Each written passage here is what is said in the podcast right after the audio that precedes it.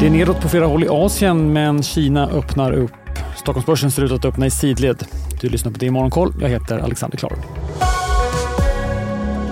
Efter en vecka med stängda börser är nu marknaden öppen även i Fastlandskina och börsen i Shanghai är upp 0,3 procent. Den mer teknikfokuserade Shenzhenbörsen stiger drygt 1 procent medan Hongkong tappar nästan 2 procent och Tokyobörsen går i sidled. Och efter att flera japanska fordonsaktier gått starkt i förra veckan backar flera under morgonen. Det kommer också uppgifter om att samarbetet och korsägandet mellan japanska Nissan och franska Renault ska förändras. Enligt uppgifter till japanska Nikkei har biltillverkarna kommit överens om att Renault ska minska sitt ägande i Nissan från dagens dryga 40 procent till 15 och samtidigt ska tillverkarna samarbeta ännu mer inom satsningen på elfordon.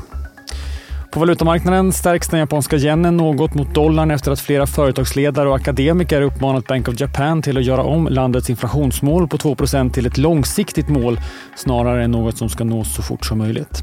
Med andra ord öka flexibiliteten för den japanska centralbanken. Relationen mellan Japan och Kina är något varmare. I helgen meddelade den kinesiska ambassaden i Tokyo att den återigen godkänner visansökningar från japanska medborgare.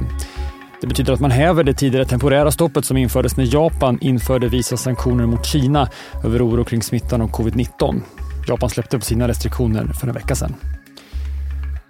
De kinesiska dödstalen av covid-19 minskar. Mellan den 20 och 26 januari avled 6 364 patienter på kinesiska sjukhus.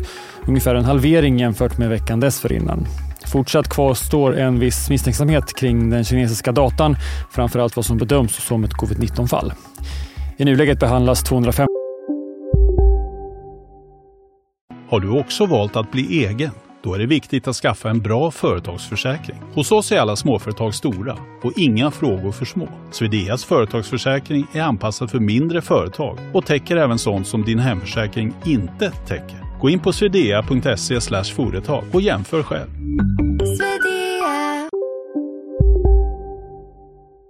15 000 kineser på sjukhus i landet för covid-19.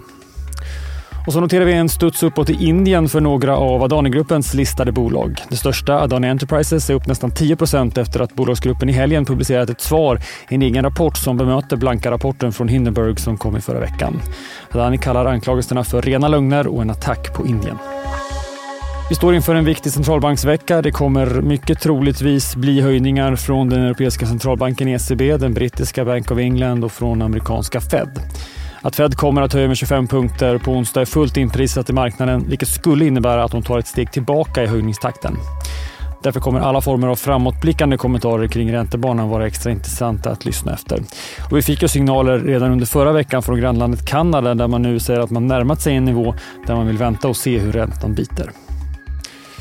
Vi kommer in i den här veckan med en stark börsvecka bakom oss. Stockholm adderade drygt 1 under förra veckan och amerikanska S&P 500 steg drygt 2% Nasdaq hela 4 och precis som förra veckan så stundar en rapportintensiv vecka. Tyngsta dagen är på torsdag. Svenska rapporter från bland annat ABB, SKF och Evolution. Ännu tyngre från USA. Apple, Amazon och Alphabet rapporterar alla under dagen. Och tillsammans utgör de tre bolagen en fjärdedel av viktningen på Nasdaq 100. Idag håller vi koll på rapport från svenska kontraktstillverkaren Note. Flygbolaget Ryanair släpper också siffror och så får vi svensk BNP-indikator för december. Det sätter punkt för det i Morgonkoll. Missa inte DTV som sänder under dagen Börsmorgon med start kvart i nio och Börskoll som startar klockan två. Dessutom extra tidiga rapportsändningar från imorgon tisdag. Var med oss redan från 20 över 7. Jag heter Alexander Klar.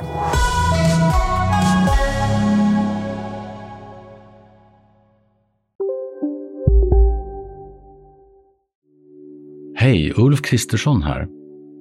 På många sätt är det en mörk tid vi lever i.